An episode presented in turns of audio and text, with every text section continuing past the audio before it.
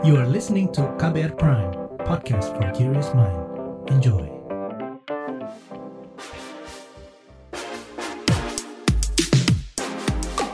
Saya tuh suka sebel ya ngelihat teman. Saya maksudnya. Saya, saya. Sebel lihat saya. Jangan. Kenapa? Ada teman saya, dia Ah. tuh makannya banyak, terus udah mau tidur makan, tapi badannya segitu-segitu aja. Nah, Makasih giliran- loh. Bukan ada, tapi giliran saya tuh makan roti doang itu nambahnya berapa kilo. Sebel nggak sih? Tapi sama deh kita kayaknya. Tapi di balik roti itu mungkin ada selainya beberapa lapis. Aha. Mungkin bisa, itu yang bisa buat jadi, kita gendut. Iya kan? Jadi pengen diet. Sebenarnya kalau ngomongin soal diet itu sudah banyak banget diet yang sudah saya coba. Diet yang buatan sendiri, Sama dibuat-buat. apa dibuat-buat.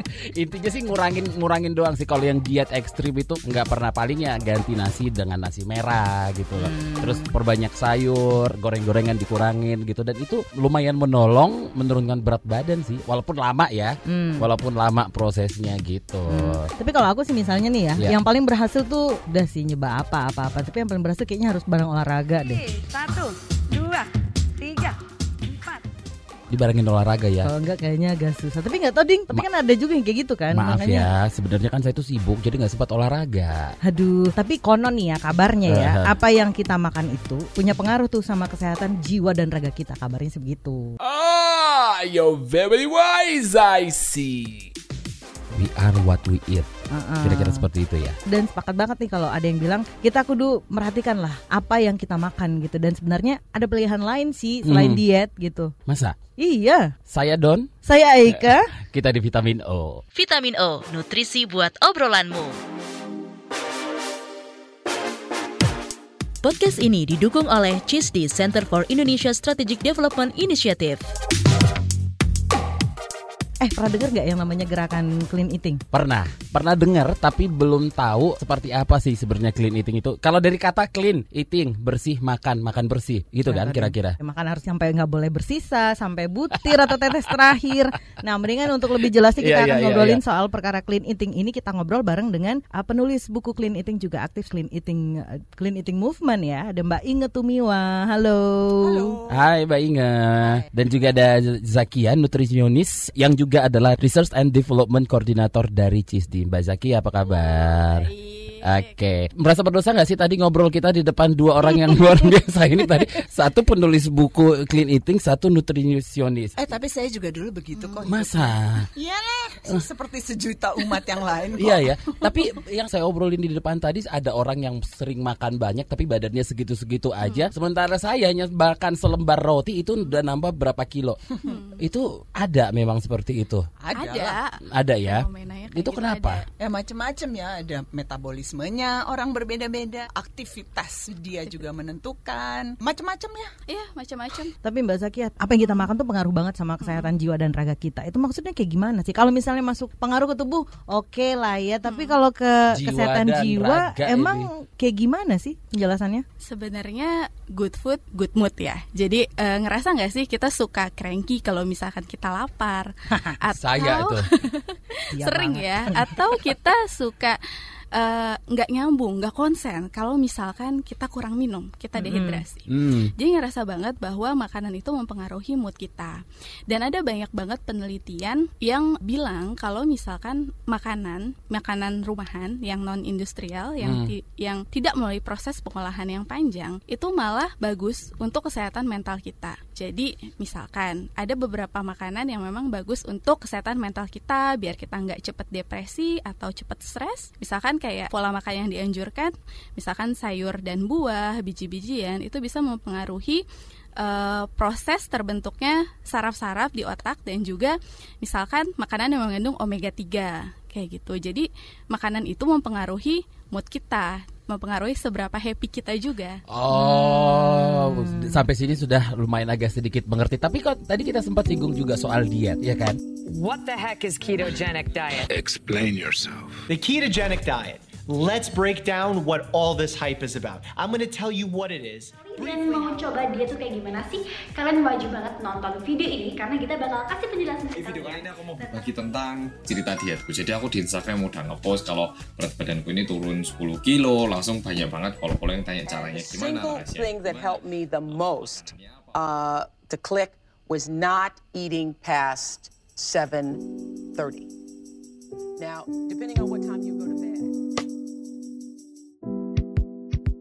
Nah, apa sih yang perlu kita pahami dari program-program diet yang sudah ada? Banyak banget, Mbak ya. Mulai dari nggak ngerti lagi deh macam-macam lah, ya. gitu. Dari yang ada artisnya sampai yang nggak tahu itu dia siapa. Sebenarnya diet itu intinya adalah bagaimana kita coba untuk makan sehat. Dan sebenarnya ketika kita lihat satu diet, kita harus pastiin bahwa gue bisa nggak ya ngelakuin itu seumur Hmm. hidup gitu.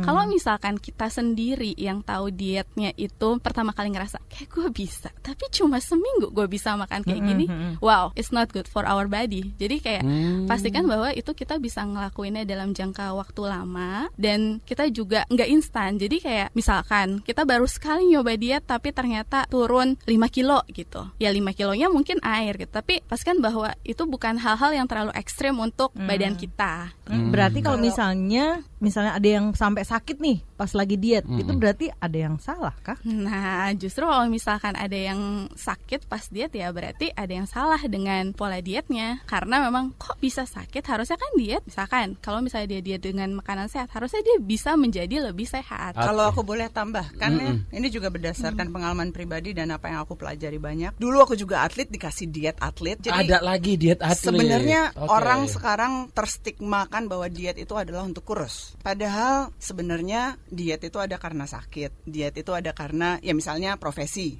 Atlet mau pertandingan, apa yang harus dihindari, apa yang Ya. harus ditambahkan. Apalagi kalau orang udah sakit. Aku dulu punya kanker.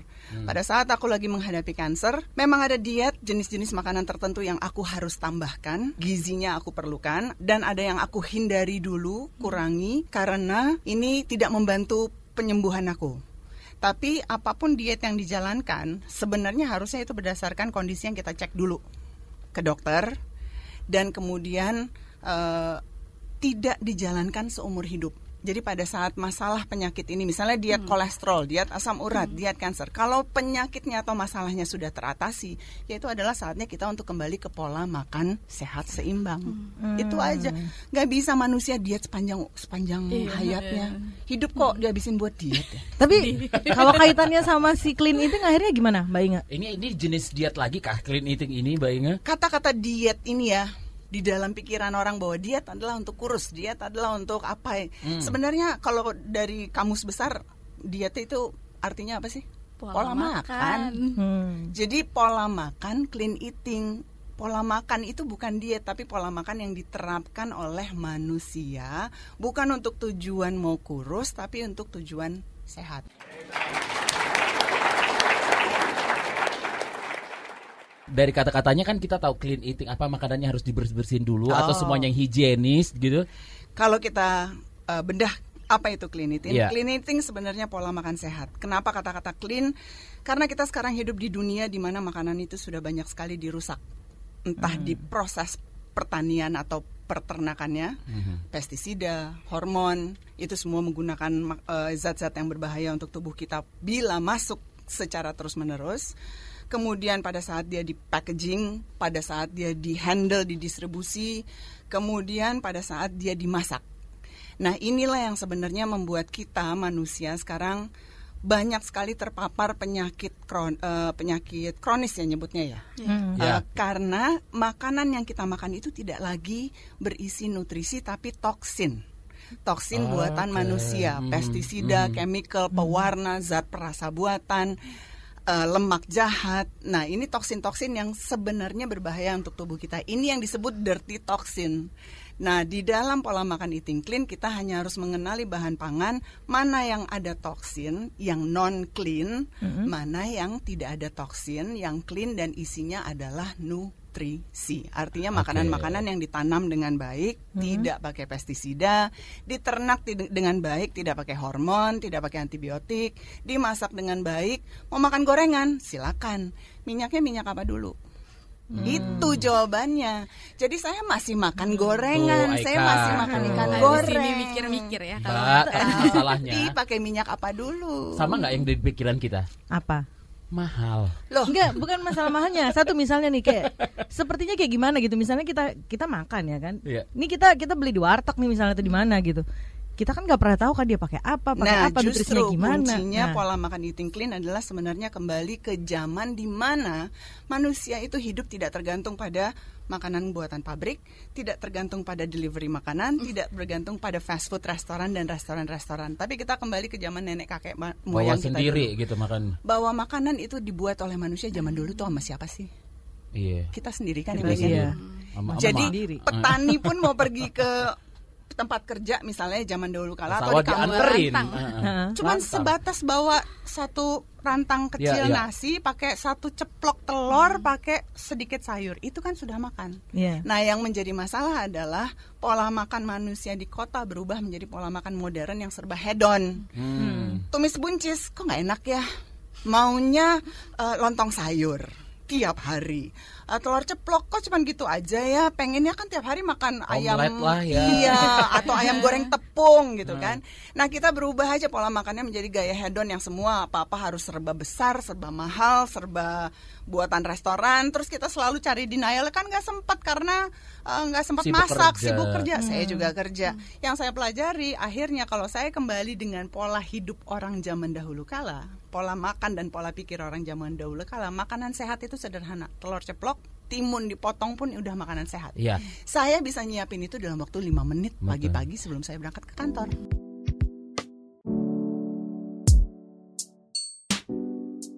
Kenapa tadi langsung terbersit di pikiran saya itu kata-kata mahal. Tadi Mbak Inge juga sempat bilang makanan yang tidak mengandung pestisida berarti organik dong ya. Iya. Kalau kita belanja bahan sayur organik ya ampun, Mbak. Nah, ini sebenarnya ya kalau aku boleh ini kembali ke mindset Mm-mm. manusia. Di Jakarta kenapa bahan makanan organik mahal? Karena kita jauh dari pertaniannya.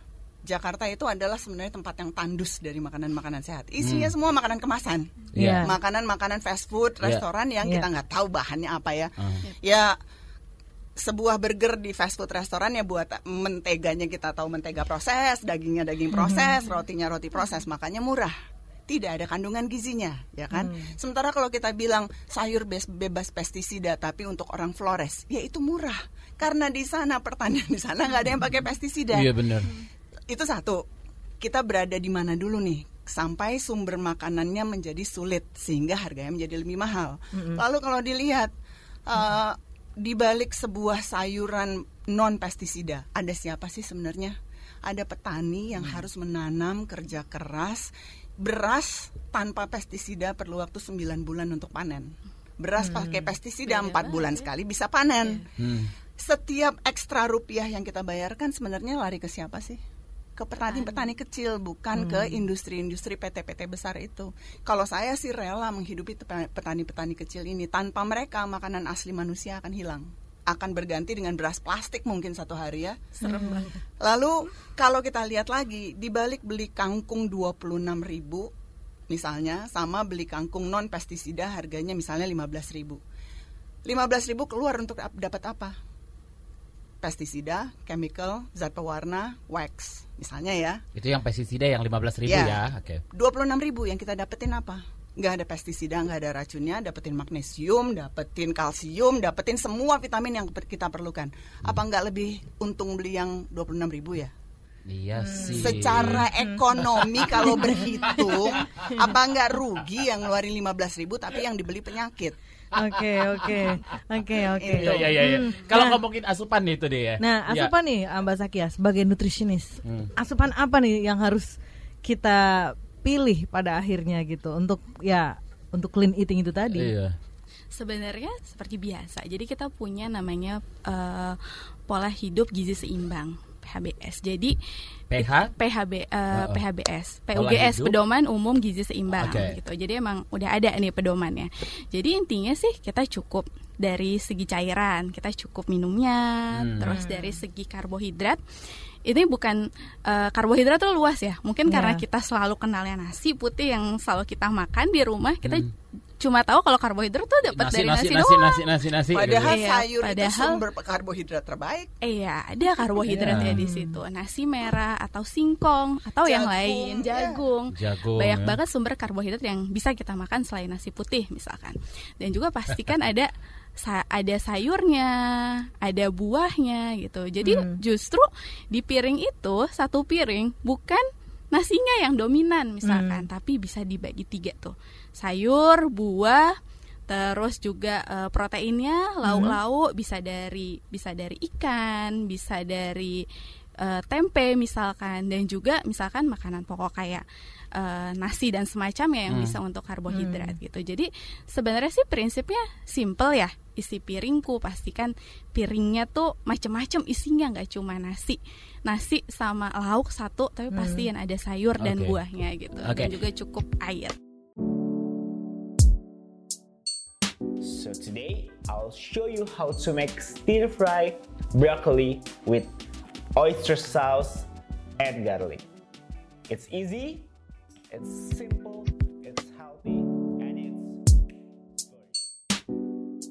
Permasalahan berikutnya adalah kalau kita sudah membeli bahan makanan yang sehat tadi, yang organik kayak gitu.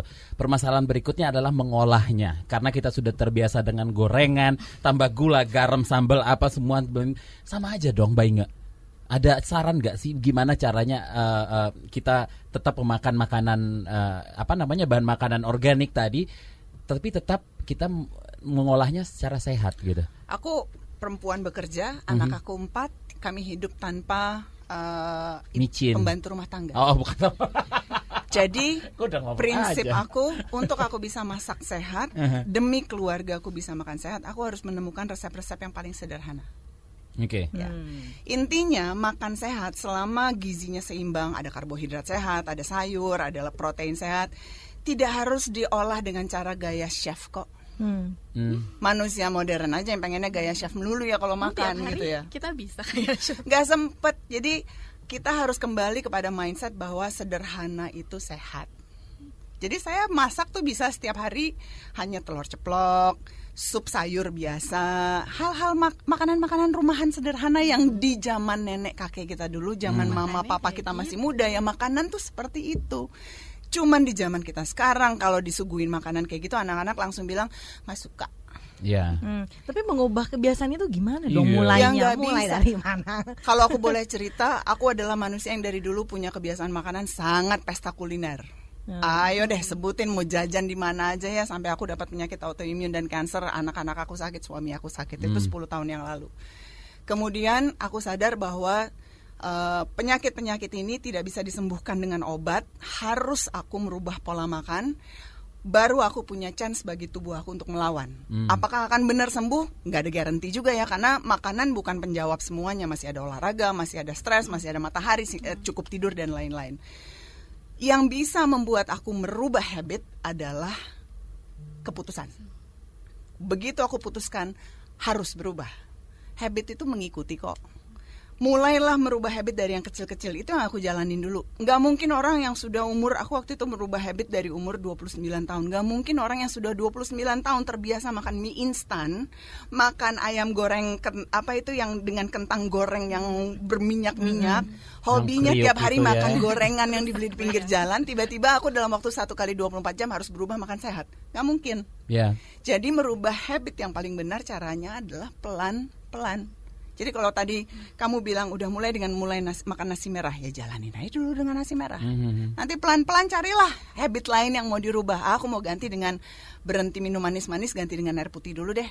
Ya step keduanya minumlah air putih dulu. Jangan semua mau langsung dirubah seminggu.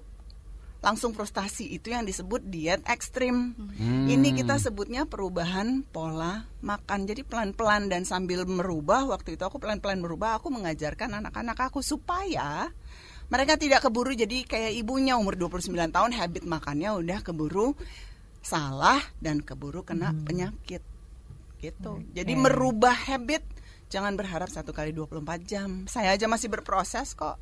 Hmm. Sampai kapan berhentinya Mbak berubah? Ya nantilah kalau kita udah dipanggil sama Yang Maha Kuasa, berhentilah habit kita. Oh, hell yeah. Tapi kalau dari pengalaman Mbak Inga sendiri mempertahankan kebiasaan itu sampai akhirnya total di eh, eh, clean eating ini berapa lama sih Mbak? Di gak ada ya kata-kata itu sebenarnya saya mau ya? merubah stigma itu bahwa Mhm. em, begitu kita sudah memutuskan sesuatu dalam hidup mau itu sekolah mau itu pekerjaan mau itu menikah sama sesuatu sama seseorang mau itu sesuatu cin mau itu Ada kita mem- apa-apa ya. me- merubah pola makan dan kita punya keputusan yang sangat kuat yang eh, penting bagi diri kita perubahan itu akan terjadi pelan-pelan dan universe atau alam semesta itu akan terus mendukung jadi sampai kapan kita nggak akan pernah tahu kapan kita berubah total. Tapi yang aku rasakan setelah setahun menjalankan awalnya agak susah, tahun kedua jauh lebih ringan, tahun ke tahun ketiga jauh lebih ringan, tahun keempat, tahun kelima, tahun keenam akhirnya di tahun ke 10 udah kayak automatic pilot. Tapi saya tahu habit ini belum sempurna dan saya cuma menanamkan di diri saya dan keluarga saya nggak akan pernah kok habit kita sempurna. Jadi kalau orang bilang boleh cheating nggak mbak, saya bilang gini, emang lu uh, ini ya yang menciptakan uh, semua makhluk hidup hanya dia yang sempurna. Manusia tuh nggak ada yang sempurna. Jadi kalau mau menjalankan pola hidup sehat, ini bukan diet. Diet tuh ekstrim, nggak boleh ini ini ini ini lima bulan nanti turunnya segini enggak.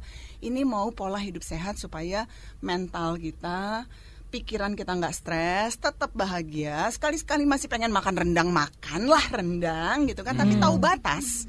Itu aja nggak nggak akan pernah sempurna tapi pilihannya 80-90% kita makan sehat masa sih resiko penyakit nggak turun Iya, tapi kalau sudah mengikuti pola makanan sehat ini jadi kurus nggak sih Mbak? Tetap loh pertanyaan. saya sih bonus ya bonus ya. jadi waktu aku Untuk memulai pola makan ini 10 tahun yang lalu berat aku hampir 80 kilo karena metabolisme aku berhenti karena ada gangguan hormon tiroid aku kan kena kanker Hmm, dan auto autoimun aku menyerang pencernaan. Hmm. Jadi pencernaan aku mati total. Hmm. Berat aku mencapai 80 kilo waktu itu.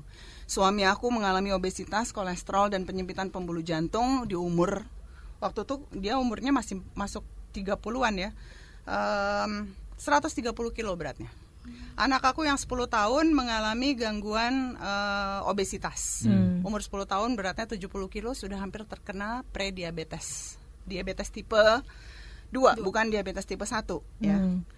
Dengan merubah pola makan ini, waktu itu keputusan aku merubah pola makan bukan karena mau kurus, tapi karena aku tahu kalau anak aku kena diabetes, apa enggak jiwa dia terancam? Hmm. apa nggak masa depannya suram? Kalau suami aku terus kolesterolnya tinggi dan terus gemuk, apa nggak nanti aku takut dia stroke? Hmm. Ya kan, kami kehilangan orang yang kami sayangi di usia muda. Aku pernah ngalamin itu dulu waktu sama ayah aku meninggal kanker. Aku udah kena kanker jelas-jelas. Jadi keputusan aku waktu itu adalah jalankan ini bukan untuk kurus. Ujung-ujungnya anak saya 6 bulan dari 70 kilo turun ke 45 kilo. Hmm. Suami saya Ya. dari 130 turun ke 85. Jadi intinya kurus itu adalah Bonus. Yang penting sehat. Alright. Oke. By the way ini ada voucher makan nih. Mau nggak sih? Eh, kenapa enggak?